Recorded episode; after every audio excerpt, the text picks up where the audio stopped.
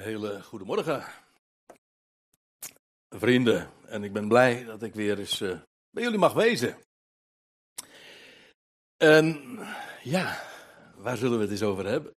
Over het tiende gebod. Want zo heet dat dan. En die telling, die is uh, tamelijk algemeen. Dat kan ook eigenlijk niet missen. Want uh, de telling van de tien woorden, of de tien geboden, dat uh, verschilt nog wel eens een keer. En dat hangt er dan ook weer vanaf of je dat op de rooms-katholieke manier doet of op de protestantse wijze. Maar het tiende gebod, dat is helder. Dat is namelijk gewoon de laatste van de tien woorden. En ik zeg de tien woorden, dan doel ik op uh, ja, die woorden die we vinden in Exodus 20. En ik, meer van jullie, zijn. Uh, ik ben van protestantse, reformatorische huizen. En ik ben gewoon uh, in mijn jonge jaren altijd elke zondag deze woorden te horen vanaf de kansel. De tien geboden. Wij stellen ons onder de tucht des Heren. En dan, ja, daar hoort ook een bepaalde toon bij, tenminste in mijn beleving wel. En dan kreeg je te horen dat wat God had uitgesproken uh, aan het adres van Israël, die hij zojuist, het volk dat hij zojuist uit het land van Egypte had geleid. Woorden die ook aan dat volk werden gegeven. Gij zult niet begeren. Puntje, puntje, puntje met een vraagteken. Want achter al die woorden zit eigenlijk nog weer een hele wereld achter. En we willen gewoon eens vanmorgen, nou ja, ik wil dat en ik hoop dat u die wens met mij deelt, uh, de loep eens leggen op eigenlijk elk uh, bijzonderheid in deze ene korte zin. Wat is dat? Begeren. En wat betekent dat? Gij zult niet. Eerst even trouwens uh, Een andere vraag. Klopt deze titel wel? Ja, ze is ontleend aan Exodus 20, zo zei ik het. Het is gewoon zelfs een direct citaat. Maar klopt de titel? Want als, ik het, als je het zo leest, gij zult niet begeren, wil dat zeggen, als je het gewoon straightforward leest, oh, uh, begeren, uh, je mag niet begeren, maar ik zal u dit vertellen. Begeren kan ook in de Bijbel heel positief zijn. Ik zal een paar voorbeelden geven. Je leest in Psalm 68 van God zelf dat hij zegt van Sion, het gebergte of de berg Sion, deze berg heeft God begeerd tot zijn woning. Daar wordt exact hetzelfde woord gebruikt als wat ook in Exodus 20 gebezigd wordt. Dus uh, de gedachte van je mag niet begeren of je zou niet mogen of niet behoren te begeren, dat klopt niet, want begeren aan zich kan heel positief zijn. Je leest in het Nieuwe Testament van de Heer Jezus dat hij in de nacht dat hij werd overgeleverd het paascha vierde met, met zijn discipelen. En dan lees je dat hij zegt, ik heb vurig begeerd dit paascha te eten met jullie, eer ik leid. Ook hier weer dat woordje begeren. En de Heer begeerde. Dus hoezo kun je in het algemeen zeggen: een mens zou niet moeten of behoren te begeren? Nee, dat kun je zo niet zeggen. Het punt is namelijk: het citaat is incompleet. Er staat helemaal niet: gij zult niet begeren. Kijk, ik kan zeggen: in de Bijbel staat, beste mensen, er is geen God. Sterker nog, dat staat er twee keer. Ik moet er wel iets bij zeggen, er staat iets voor aan voorafgaand, namelijk de dwaas zegt in zijn hart: Er is geen God. Aha, oh wacht even, dat maakt het citaat heel anders. Want als je die woorden er niet bij betrekt, dan krijg je dus een heel andere gedachte. Het is, je moet de hele zin nemen, anders krijg je een misconceptie uh, van, dat, van zo'n zin. Je moet het in zijn heel citeren, anders trek je het uit zijn verband. Gij zult niet begeren, staat er niet zo, op die manier. En laten we gewoon maar eens even naar dat gedeelte toe gaan, namelijk in Exodus 20. En je zou het trouwens ook kunnen lezen in Deuteronomium. Deuteronomium wat betekent de tweede wet. Heel interessant. Deutero betekent tweede. En nomium heeft te maken met wet. Daar vind je diezelfde woorden. Maar in Exodus 20. En ik neem u vanmorgen naar een vijf, nee, zestal schriftplaatsen mee om, nou ja, deze, deze waarheid, deze bijbelse waarheid, het tiende gebod, om zo te zeggen, dat tiende woord, met eh, jullie eens uh, nader te bezien. Exodus 20. Je zult niet begeren. Aha, wacht even. Dus dat klopt toch wel. Maar lees even verder. Het huis van je naaste. Aha, wacht even. Dat wordt dus anders. Niet, je zult niet begeren. Nee, je zult niet begeren. Het huis van je naaste. Je zult niet begeren. De vrouw, de vrouw van je naaste nog zijn dienaar, nog zijn dienstmeisje, nog zijn rund, nog zijn ezel, nog iets dat van jouw naaste is. Maar dat brengt zo'n woord van gij zult niet begeren in, ineens in een ander perspectief. Het gaat er dus om dat je niet iets zou begeren dat aan de ander, jouw naaste, toekomt. Zijn of haar bezit is. Ongeacht wat dat dan ook is, je zou dat niet begeren. Moet ik er trouwens nog iets bij zeggen, want wat bedoel je nou precies met begeren? En eh, de, een van de eerste keren dat in het woord ook gebezigd wordt in de Torah, niet de eerste keer, want we vinden het al in Genesis, maar vinden we ook in Deuteronomium 7. En ik neem jullie even mee omdat daar het begrip ook nader wordt toegelicht. In een parallelle zin. Dat zie je heel vaak in een, dat noemen ze parallelisme. Je hebt dus uh, twee zinnen in bijvoorbeeld de psalmen of in de spreuken. En die lopen parallel. En feitelijk zou je kunnen zeggen dat de eerste zin wordt toegelicht door de tweede zin. En dat is hier ook het geval. Daar staat in Deuteronomium 7, vers 25. En er wordt tegen Israël gezegd: de gesneden beelden van hun goden. En dan gaat het over de, de goden van de Canaanieten, van het volk dat ze zouden verdrijven.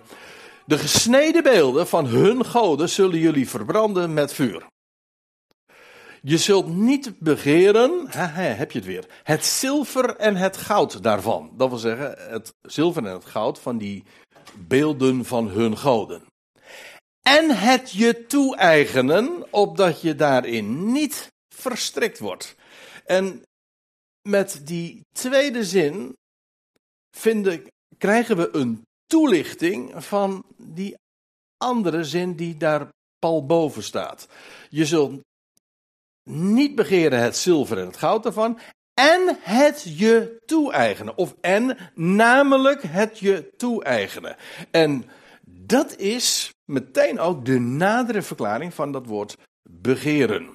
Het gaat erom bij begeren dat je de intentie hebt. Eventueel het voornemen, dat gaat nog ietsje verder.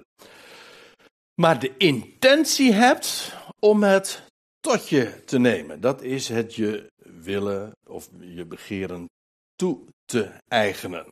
En voor degenen die dat uh, nog eens wat nader willen bekijken van wat de precieze betekenis is van dat woord begeren en hoe dat dan ook wordt gebruikt, heb ik uh, even nog andere schriftverwijzingen, zonder daarbij compleet te zijn, gegeven, die datzelfde ook laten zien, namelijk dat begeren te maken heeft met de intentie, de bedoeling om iets je toe te eigenen. En dat is een heel belangrijk punt. En ik neem jullie dan vervolgens mee naar een andere schriftplaats. En die is wel heel erg uh, bekend. En ik durf te beweren dat de verklaring, de uitleg van dat vers. een heleboel kwaad heeft aangericht. in de loop van de kerkgeschiedenis. Ik doel op Matthäus 5, vers 28. En ik weet dat ik dat destijds.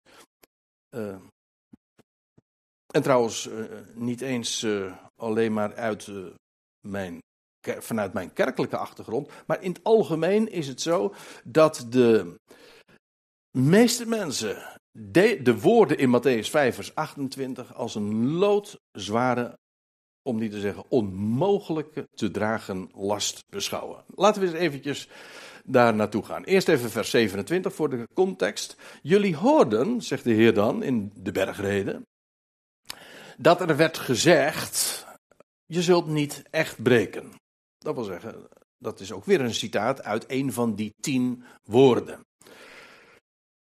Je zult niet echt breken. De echt, dat wil zeggen het huwelijk, zul je niet verbreken. Uh, dat is wat echtbreuk is. Maar nou, nou doet de Heer daar in feite nog een schepje bovenop. Want het gaat maar niet alleen maar om het, het daadwerkelijk verbreken van de echt, van het huwelijk. Maar zegt hij, ik zeg tot jullie dat een ieder die een vrouw aanziet om haar te begeren, pleegt in zijn hart reeds echtbreuk met haar. Ja, en ik heb destijds, en ik denk dat het alom ook eh, zo uh, wordt, in ieder geval wordt verstaan en ook wordt uitgelegd, namelijk dat deze woorden uh, te maken hebben met, ja, dat als je in dit geval heel specifiek als man een vrouw aanziet en uh, je fantaseert daarover, en dat zou dan begeren zijn, dat dat in, in feite al in je hart een vorm van echtbreuk zou zijn. Maar ik, ik zei al, dat is in de praktijk een, een, een uitleg die loodzwaar, niet alleen loodzwaar is, zelfs onmogelijk is. En het, feitelijk is dat ook een veroordeling van elke vorm van seksuele fantasie. En feitelijk is dat ook killing voor de hele seksualiteit. Want ik zal u dit vertellen. Elke gezonde ontwikkeling van seksualiteit begint met het verlangen naar of het fantaseren over. Maar dat is allemaal hetzelfde hoor. In ieder geval de drang naar. En als dat, als je een vrouw aanziet als man zijn dan. Laten we het dan even uitbreiden. Of je ziet als vrouw een man aan. En met, uh, met de, de gedachte van, nou, ja, ik, ik ben niet zo goed om dat allemaal uh, wat, uh, wat beeldend uit te leggen, maar u, u kunt zich er wel iets bij voorstellen. dat als je daar met verlangen naar kijkt of aan denkt, dat dat in je hart al echt breuk zou zijn. Ik heb het altijd vreemd gevonden, maar ik moet u zeggen, sinds ik ja, enig zicht meen te mogen zijn, eh, zicht uh, heb op, op, dat, op dit woord, hè, van dit, dit tiende woord uit Exodus 20, is het ook dwaasheid. Kijk, waar het hier over gaat, en laten we het even consequent nemen, het gaat ook hier over de intentie die vrouw toe te eigenen. En dat is iets heel anders dan dat je een vrouw ziet en dat je denkt van zo. Is dat in je hart echtbreuk plegen? Nee, dat is iets heel anders. Echtbreuk heeft te maken met het aanzien van de vrouw. En daarbij de intentie, het, eventueel het voornemen hebben om haar toe te eigenen. En we hebben daar een heel mooi Bijbels voorbeeld van. En dat wil ik graag eens geven. Namelijk in de geschiedenis, nou ja, een mooi voorbeeld weet ik niet, maar in ieder geval die dit verschil wel heel duidelijk ook aangeeft. Namelijk de geschiedenis van David en Bathseba in 2 Samuel 11. Laten we er even naartoe gaan. Daar lees je, er was oorlog. En de conditie van David was eigenlijk al niet om over naar huis te schrijven. Het loutere feit dat hij niet in de strijd zelf verwikkeld was, maar dat hij daar luxueus in Jeruzalem thuis bleef. Dat gaf al te denken, maar laat, dat laat ik even allemaal rusten. Er staat in 2 Samuel 11 dit. En het geschiedde tegen de avond dat David opstond van zijn bed en hij wandelde op het dak van zijn paleis. En een vrouw zag uh, bezig zich en een vrouw zag bezig zich te baden. En die vrouw was zeer schoon van uiterlijk. Nou, die vrouw uh, die zal daar niet met, uh, met kleren en al zich gebaat hebben. Dus, uh, nou goed, hij zag daar vanaf het dakterras van zijn paleis dit aanzicht. En nu heb ik een vraag voor u. Heeft op dit moment dat David dit vaststelt, Of misschien nog eens een keer bekeken heeft. En gedacht: wauw, geweldig. Was dat echtbreuk in zijn hart? Nou, eh, ik kan u vertellen. Ik heb het heel vaak gehoord. Iedereen die verlangend uitziet naar een vrouw die niet te zijn is, of in het algemeen, je kan het nog breder trekken, uh, waar je mee niet getrouwd bent, dat is al echtbreuk. Maar dat, dat klinkt heel erg vroom. Maar als je het nu vraagt, is dat ook bijbels? Dan zeg ik nee, absoluut niet. Dat staat er ook helemaal niet. Kijk, wanneer werd het echtbreuk in het hart van David? Nou, laten we eventjes verder lezen. We kennen de geschiedenis wel, maar laten we het eventjes voor de goede orde eventjes doorlezen. En dan staat er, en David zond heen, bode kennelijk, om navraag te doen naar die vrouw. En men zei, is dat niet Bathsheba, de dochter van Eliam, de vrouw van de Hethiet Uria? Aha, dus het was de vrouw van zijn naaste. En dan lees je, daarop zond David bode om haar te halen. En zij kwam tot hem en hij lag bij haar. Nou, uh, de, rest van de geschiedenis is uh, bekend. En het gaat mij even om, om, om, deze, om deze fases. Eerst dat hij op het dakterras daar een zeer schone, niet, en dat was niet schoon omdat ze zich gebaat had trouwens, maar schoon in de zin van mooi. Hè, een zeer mooie vrouw van uiterlijk. En het feit dat hij daar uh, naar deze bevallige vrouw keek, was, dat was niet de echtbreuk in zijn hart. De echtbreuk in zijn hart was op het moment, niet eens ook dat hij navragen liet doen, maar toen hij vernam dat het de vrouw was van een uh, Uria. En toen, desondanks, haar uh, liet halen. Het zou trouwens gekund hebben. Dat is trouwens een, verhaal, uh, een vraag apart die je in de geschiedenis verder niet beantwoord vindt. Welke rol hier Batseba zelf in gespeeld heeft. Want Batseba ging gewoon maar mee. Het gaat hier natuurlijk vooral om het feit dat het de, de, misdaad was, ook van, van David. Trouwens, het was niet alleen maar echtbreuk. Het was ook nog eens een keertje moord die, eh, dat daar nog weer bij kwam. Want hij liet vervolgens uh, gewoon die Uria uh, omkomen, heel welbewust in de strijd.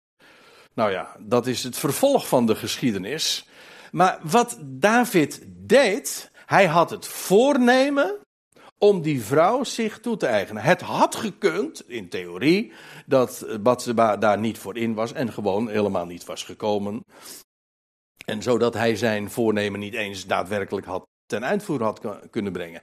Dan nog had hij in ieder geval de intentie om dat te doen. En zelfs het daadwerkelijke voornemen. Kijk, en dat was de echtbruik in zijn hart. En dat is een heel ander verhaal dan de gedachte, maar u weet het, eh, van, van oudsher is in de kerk, in de, vooral in de kerkgeschiedenis, is men heel, als ik het zo mag zeggen, spastisch omgegaan met alles wat met seks te maken heeft. Men, eigenlijk is men helemaal geobsedeerd daardoor en, uh, en alles daarop is, uh, op dat gebied is, is zonde en de gedachte eraan, dat mag eigenlijk al helemaal niet. En ik moet u zeggen, dat is buitengewoon niet alleen frustrerend. Het, geeft niet alleen, het heeft niet al talloze jonge mannen en uh, vrouwen uh, belast met schuld. Volkomen onterecht, want, je bent, want het is namelijk gewoon de natuur, dat verlangen. En dank God daarvoor. En dat, het hele het, het kerkelijke idee in de kerkgeschiedenis, waarbij, de, waarbij eigenlijk de seksualiteit zelf eigenlijk iets was wat minder waardig was. Dat was eigenlijk gewoon blasfemisch. En Paulus zegt zelfs in 1 Timotheus 4, dat is een demonische leer. Een lering van demonen. Als men, hij, die had het al voorzien, die zei al van er komen tijden, 1 Timotheus 4, er komen tijden dat men leringen van demonen zal, zal gaan aanhangen en men zal verbieden te trouwen. Dat is een voorzegging al van het verplichte celibaat. En hij noemt dat een lering van demonen. Hij zegt, want God heeft namelijk dat geschapen. Alles wat God geschapen heeft, inclusief dus de, ja, het verschil tussen mannelijk en vrouwelijk en de aantrekkingskracht tussen de beiden, is een scheppingsgegeven, dat is natuur. En op het moment dat je dat onder, onderdrukt, is dat tegennatuurlijk. Dus er zit een hele ja, gedachtegang achter waarbij de mens ja, in feite dus uh, verplicht wordt, genoodzaakt wordt, onnatuurlijk te gaan denken en daarmee ook onnatuurlijk en gefrustreerd daarmee ook te gaan leven.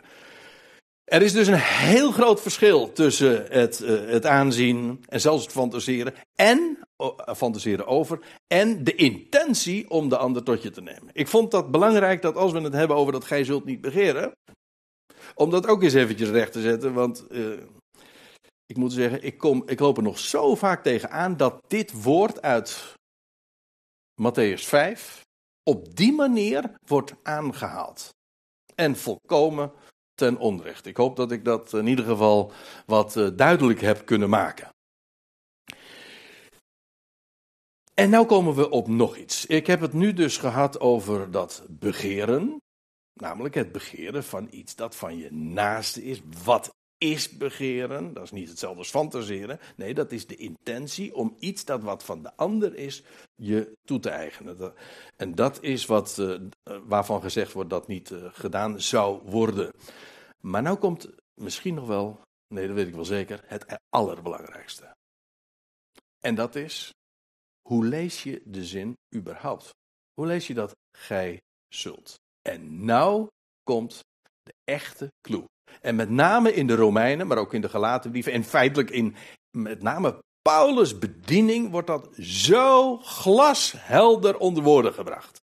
En ook dat is zo bekend. Die woorden gij zult hebben altijd de lading gekregen, ook in de christelijke wereld vandaag nog steeds, namelijk van je moet. En je krimpt in één. Zeker als het om, om zoiets onmogelijks gaat als van je zult niet begeren. En ik heb het even als kopje gegeven, een subkopje, oude lezing versus nieuwe lezing. Nou, wat ik bedoel is dit. Ik neem u eerst even mee naar Romeinen 7. Daar maakt Paulus een verschil tussen de nieuwe staat, vers Romeinen 7, vers 6. De nieuwe staat, namelijk die van de geest, en de oude staat, namelijk die van de letter. Nou, waarover heeft hij het dan in dat verband? Je zou dat even in zijn hele, die hele context moeten lezen, dat eh, voert nu te ver. Waar het over gaat is dit. Als hij het heeft over de letter, dan doelt hij op de letters die op stenen gegrift zijn. En uh, die, woorden, die uitleg vind je in 2 Korinthe 3 zoals u dat hier ook ziet. De letter, dat, is, dat zijn die woorden die in steen gegrift waren. De tien woorden dus, ja ja. Dat is de letter. En met de geest bedoelt hij het nieuwe verbond. Kijk, het oude verbond, dat was het verbond dat God sloot bij de berg Sinaï met het volk van Israël. Hij gaf het op stenen tafelen. En wat, wat gebeurde er met die stenen tafelen? Nog voordat, dat is opmerkelijk hè, nog voordat die stenen tafelen uh, beneden gearriveerd waren, waren ze al verbroken. Dat is heel, heel typerend, zal ik u vertellen. En toen gaf God een tweede set, Deuteronomium, en daarvan zei hij, die wet, die stenen tafelen, die ga je leggen in het binnenste, dat wil zeggen, binnen in die ark.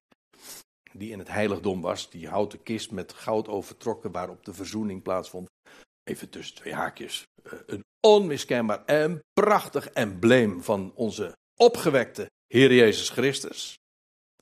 In hem is het veilig. Ja, dat is de Deuteronomium. Die wet werd ook niet verbroken. Want daar was, die werd veilig bewaard. Maar die eerste wet, dat, uh, dat is de oude staat van de letter.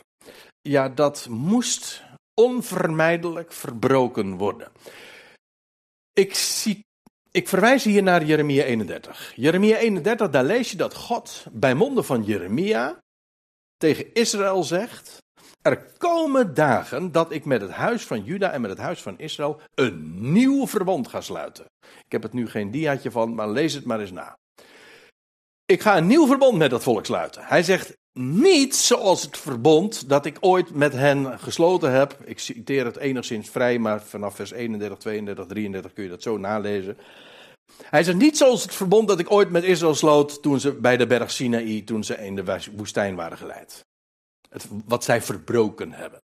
Maar staat er een nieuw verbond. En dan staat er dat dat verbond een blijvend verbond is. En weet u waarom? Het karakteristieke van dat nieuwe verbond is dat er niets van de mens, of in dit geval meer specifiek van Israël en van Juda verwacht wordt. Op het moment dat er iets van dat volk verwacht wordt, ja, dan, dan is de, de zit mislukking er al ingebakken. Moet je eens opletten, lees het eens na in Jeremia 31, kan u echt uitdagen om het, uh, om het eens te doen. Daar vind je niet ene keer, als het dat nieuwe verbond beschreven en benoemd wordt, dat er iets van het volk verwacht wordt. En tot, nou moet je nagaan, tot zeven keer toe lees je dat God zegt, en ik zal, ik zal, en ik zal. Kortom, het is één en al belofte. Wat God in dat nieuwe verbond gaat doen. Dat, dat nieuwe verbond moet trouwens nog steeds gesloten worden. Ja, de basis is al gelegd. Het bloed van het nieuwe verbond is al gestort. En, en de geest van dat nieuwe verbond. Ja, dat, daar hebben wij ook alles mee te maken. Wij worden ook geleid door diezelfde geest. Namelijk van het nieuwe verbond. Dat is waar. Maar het nieuwe verbond zelf is nog toekomstig. En het kenmerkende van een verbond is dat God alles doet. En dan staat er bijvoorbeeld ook dat God zegt: Ik zal mijn wetten in jullie harten schrijven. Dan wordt het niet meer opgelegd, maar dan doen jullie het van Jullie houden ervan en doen jullie het dus van harte. Dus helemaal niet meer iets opgelegd. Laten we het eens uh, op een rijtje zetten. Een paar dingen zo uh, ter als contrast. Het oude verbond, uh, dat gesloten werd bij de berg Sinaï. En het nieuwe verbond, dat in de toekomende dagen, in de nabije toekomst mag ik in, uh, kan ik er inmiddels aan toevoegen, dat nieuwe verbond dat gesloten zal worden. Het ene heet de letter, het andere heet de geest. Dat wil zeggen wat Gods geest gaat uitwerken in en door een mens. Het ene is geschreven op stenen tafels, het andere is geschreven in vlees en hart. Vlees is in dit geval ook een positief, het staat tegenover steen. Een steen, het is dan niet meer geschreven in steen, maar het is geschreven in een kloppend hart. Van, van harte, ja. Met liefde dus. Dat oude set, dat werd verbroken. Ja, figuurlijk. Ik bedoel, het volk uh, kreeg de opdracht en wat doet ze? Ze breekt, ze verbreekt het verbond, ze verbreekt ook dat wat ze had toegezegd. Want u weet nog wat Israël deed hè? bij de berg Sinaï. Voordat God in Exodus 20 die tien woorden gaf, lees je al dat Israël tegen God zegt: Alles wat Yahweh gesproken heeft, dat zullen wij doen. En dat was tricky. Om, dat is, en dat is heel zacht uitgedrukt. Dat hadden ze nooit moeten doen. Weet u waarom niet? Want daarmee beloof je, beloof je iets. En u weet, belofte maakt schuld. En als Israël zegt, alles wat Jaweh gesproken heeft, dat zullen wij doen. Maar dat is houten. En dat is, dan getuig je daarmee jezelf niet te kennen. En bleek ook inderdaad, want bij de eerste beste gelegenheid, de wet was nog niet in fysiek gegeven en het was al verbroken. En dat is eigenlijk ook het oude verbond. Alles wat de Heer gesproken heeft, dat zullen wij doen. Wij gaan dat doen. Maar dat wordt verbroken. Het nieuwe verbond, dat, dat wordt niet verbroken. Het wordt vervuld. Het wordt inhoud gegeven. En het wordt nooit verbroken. Kan ook niet, want daar is het niet de mens die iets belooft te zullen doen.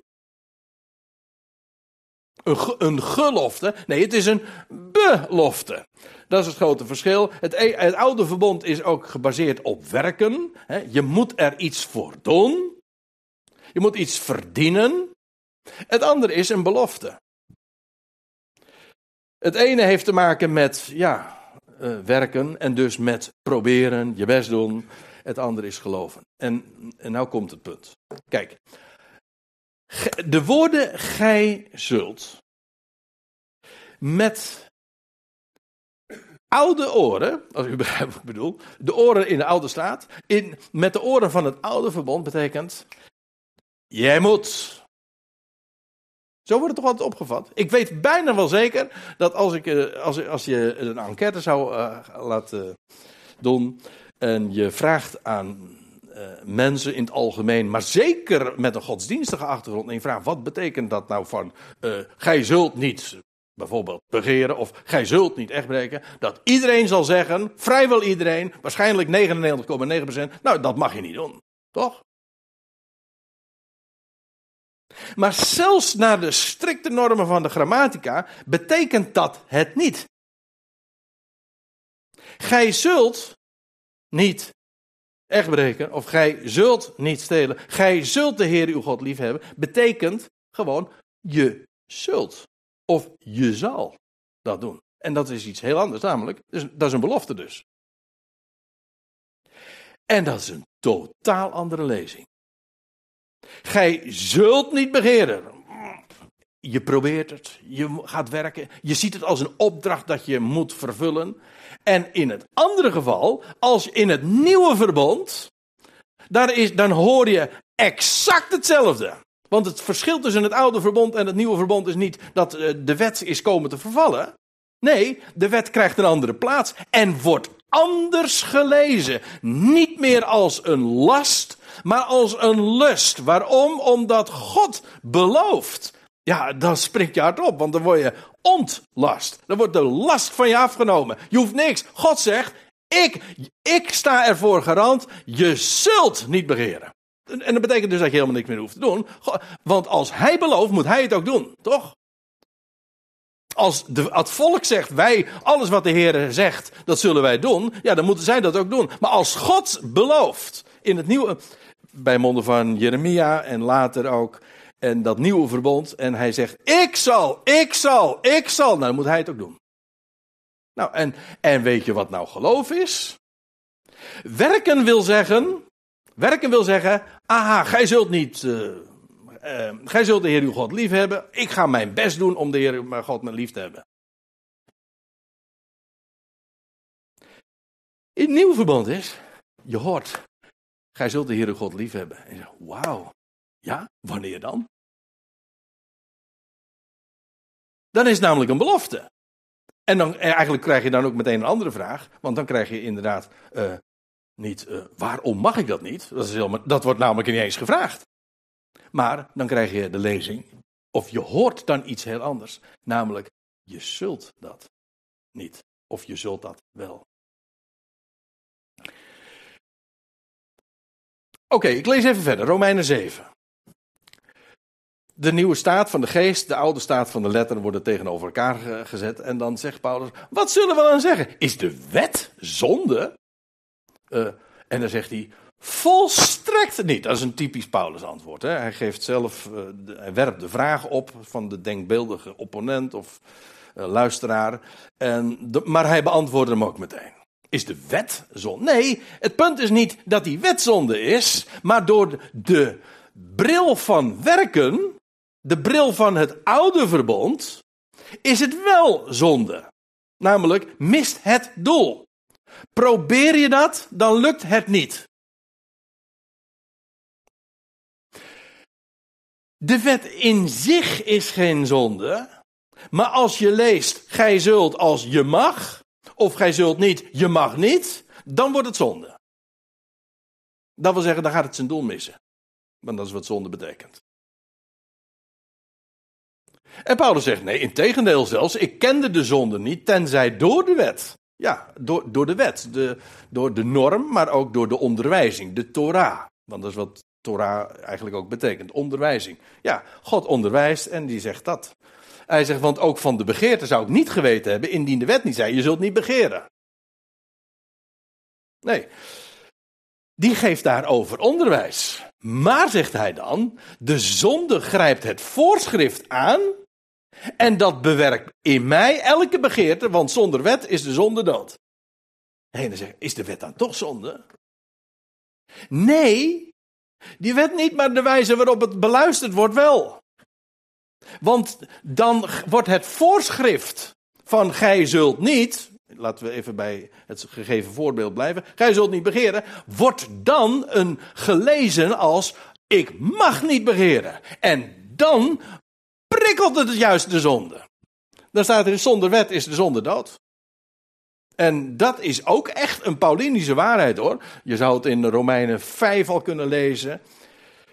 Uh, in Romeinen 6 staat het ook, we komen daar straks nog even op terug. Uh, en in Romeinen 7. Uh, eh, in, wat dacht u trouwens in 1 Korinthe 15 zet, daar staat dat de kracht van de zonde en de prikkel van de zonde is gelegen in de wet.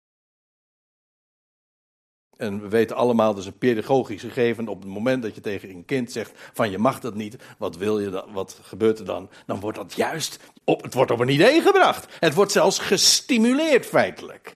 Ik, ken het, uh, ik heb een verhaaltje gehoord over een man die een, uh, een papegaai terugbracht naar de winkel.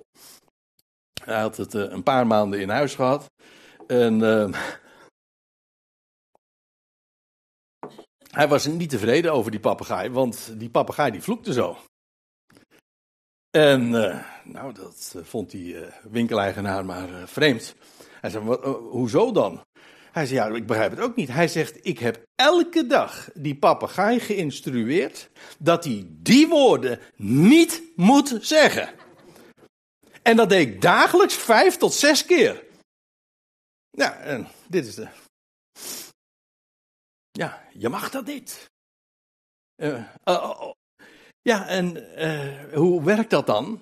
Dan wordt dat juist geactiveerd. Gij zult niet begeren. Nou, nou komen we op de laatste schriftplaats waar ik u nog naartoe wil nemen. Dat is een beetje een gekke volgorde, want ik had net over Romeinen 7 en ga nu naar Romeinen 6. Trouwens, Romeinen 7, ik heb het maar nu een twee versen uitgenomen van, omwille van de tijd. Maar je zou dat hoofdstuk even door moeten lezen. Hoe smartelijk dat is.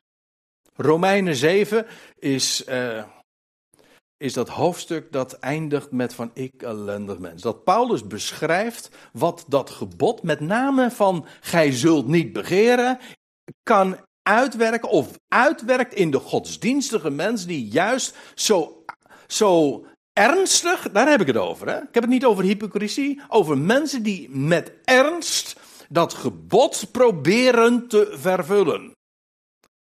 En dan zegt hij, ja, hij zegt, en, eh, het, het, het goede wens ik wel, maar het, hij zegt, het averechtse wordt juist in mij uitgewerkt.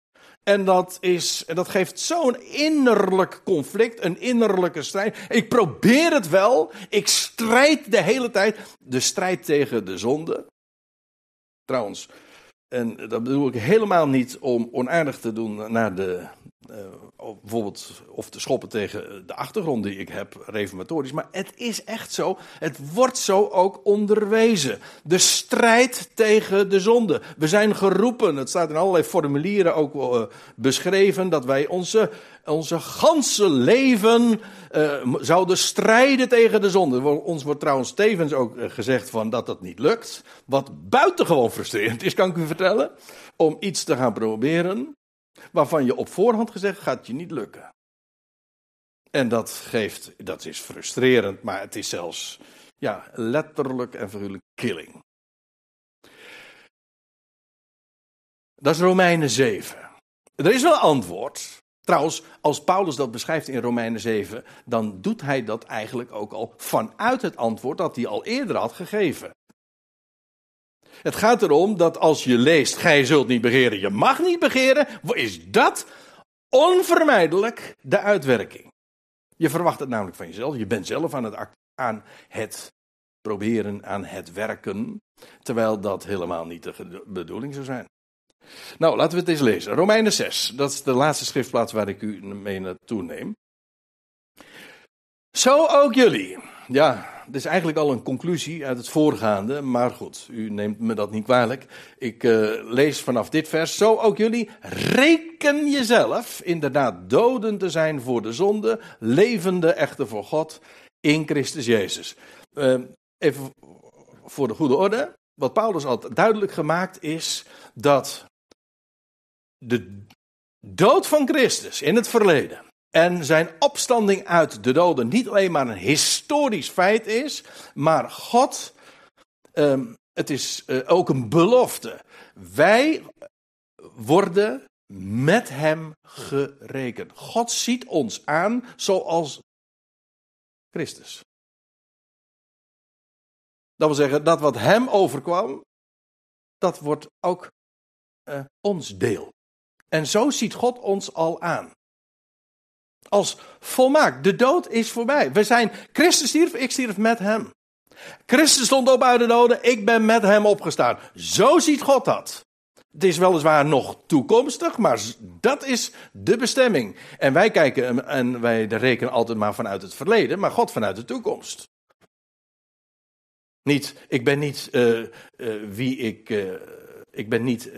Mijn identiteit wordt niet gedefinieerd door mijn verleden, maar door mijn toekomst. Wat God voor mij in petto heeft. Zo ziet God mij. Namelijk gestorven voor de zonde en levend voor Hem. Nou, en wat Paulus nu zegt, reken zo.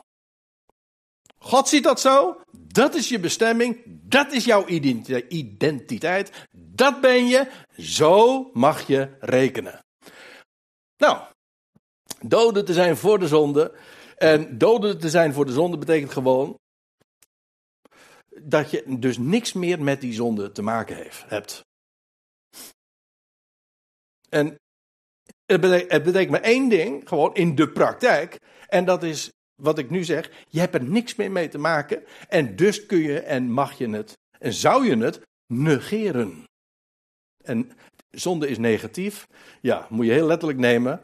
Namelijk, negatief wil zeggen, is van, afgeleid van het werkwoord negeren. Dat wil zeggen, je geeft er geen aandacht aan. Als je het wel doet, is zonde. ja.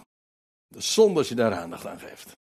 En hoe, je kunt trouwens alleen maar iets negeren, iets geen aandacht geven, doordat je je aandacht juist aan iets anders geeft. Je kunt niet, als ik zeg van je, uh, ja, dat is het bekende, uh, de bekende opdracht, je mag niet aan blauw denken. De, waar denk je dan aan? Onvermijdelijk aan blauw. Nou, dat is het feitelijke probleem van gij zult niet begeren. Het is, in de zin zit al ingebakken het falen op het moment dat je dat leest als van, oh dat moet ik doen, ja, dan lukt het juist niet. Maar dat is geen, uh, geen bug, zal ik maar zeggen, om het even in computertermen te zeggen. Het is geen, geen foutje, God had het niet verkeerd gezegd. Nee, dat was de bedoeling dat de mens eerst zou leren dat als iets zelf zou doen, dat het niet zou lukken. En op het moment dat je gaat dat je belofte hoort, gij zult niet begeren, als een belofte, als een voorzegging, ja, dan, dan, ga je God danken. En dat, dat, is de, dat is de echte versie. Dan ga je God geloven. Als God, kijk, als God zegt: Gij zult de Heer uw God lief hebben. Dan is dat geen opdracht, maar een belofte. Die ik dus gewoon mag geloven. Als hij iets belooft, dan, dan geloof Als u het zegt, Heer. Tegen Abraham werd gezegd: Gij zult een vader van een menigte volkeren zijn. Was dat een opdracht?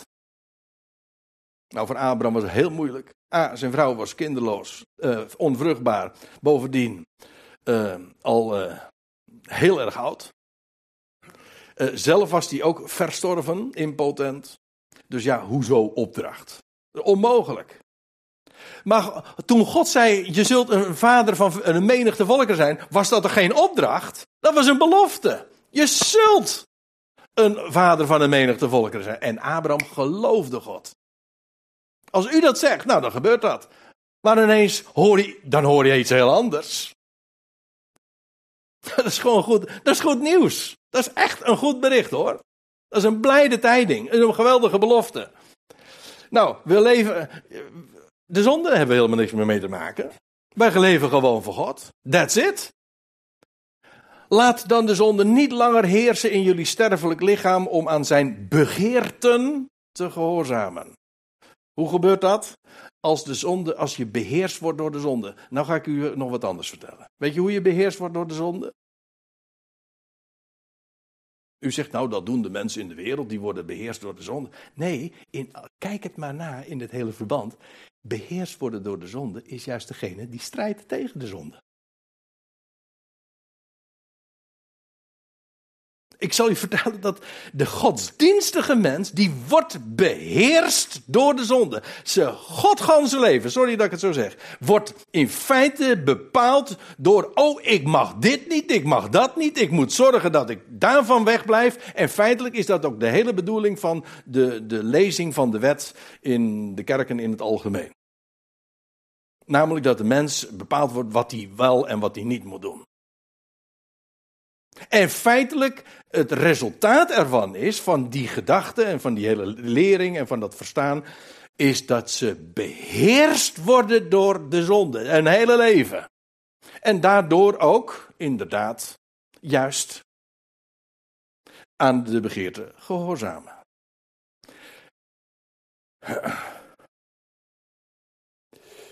Ja, en dan staat er, uh, dat is het laatste vers uh, wat ik nu tenminste voorhaal. Immers, zonde zal jullie Heer niet zijn. En kijk maar na, wat het waar is wat ik zojuist zei. Beheerst worden door de zonde heeft te maken met het feit dat je onder de wet leeft. Staat hier gewoon. Immers, zonde zal jullie Heer niet zijn. Hoezo? Want jullie zijn niet onder de wet. Met andere woorden, als je onder de wet bent, dan is zonde je heer. Oftewel, dan word je beheerst door de zonde. En dat is ook zo. Als je er even logisch over doordenkt, dan zeg je ja, dat is inderdaad waar. Dan word je beheerst door de zonde. Maar zonde zal jullie heer niet zijn.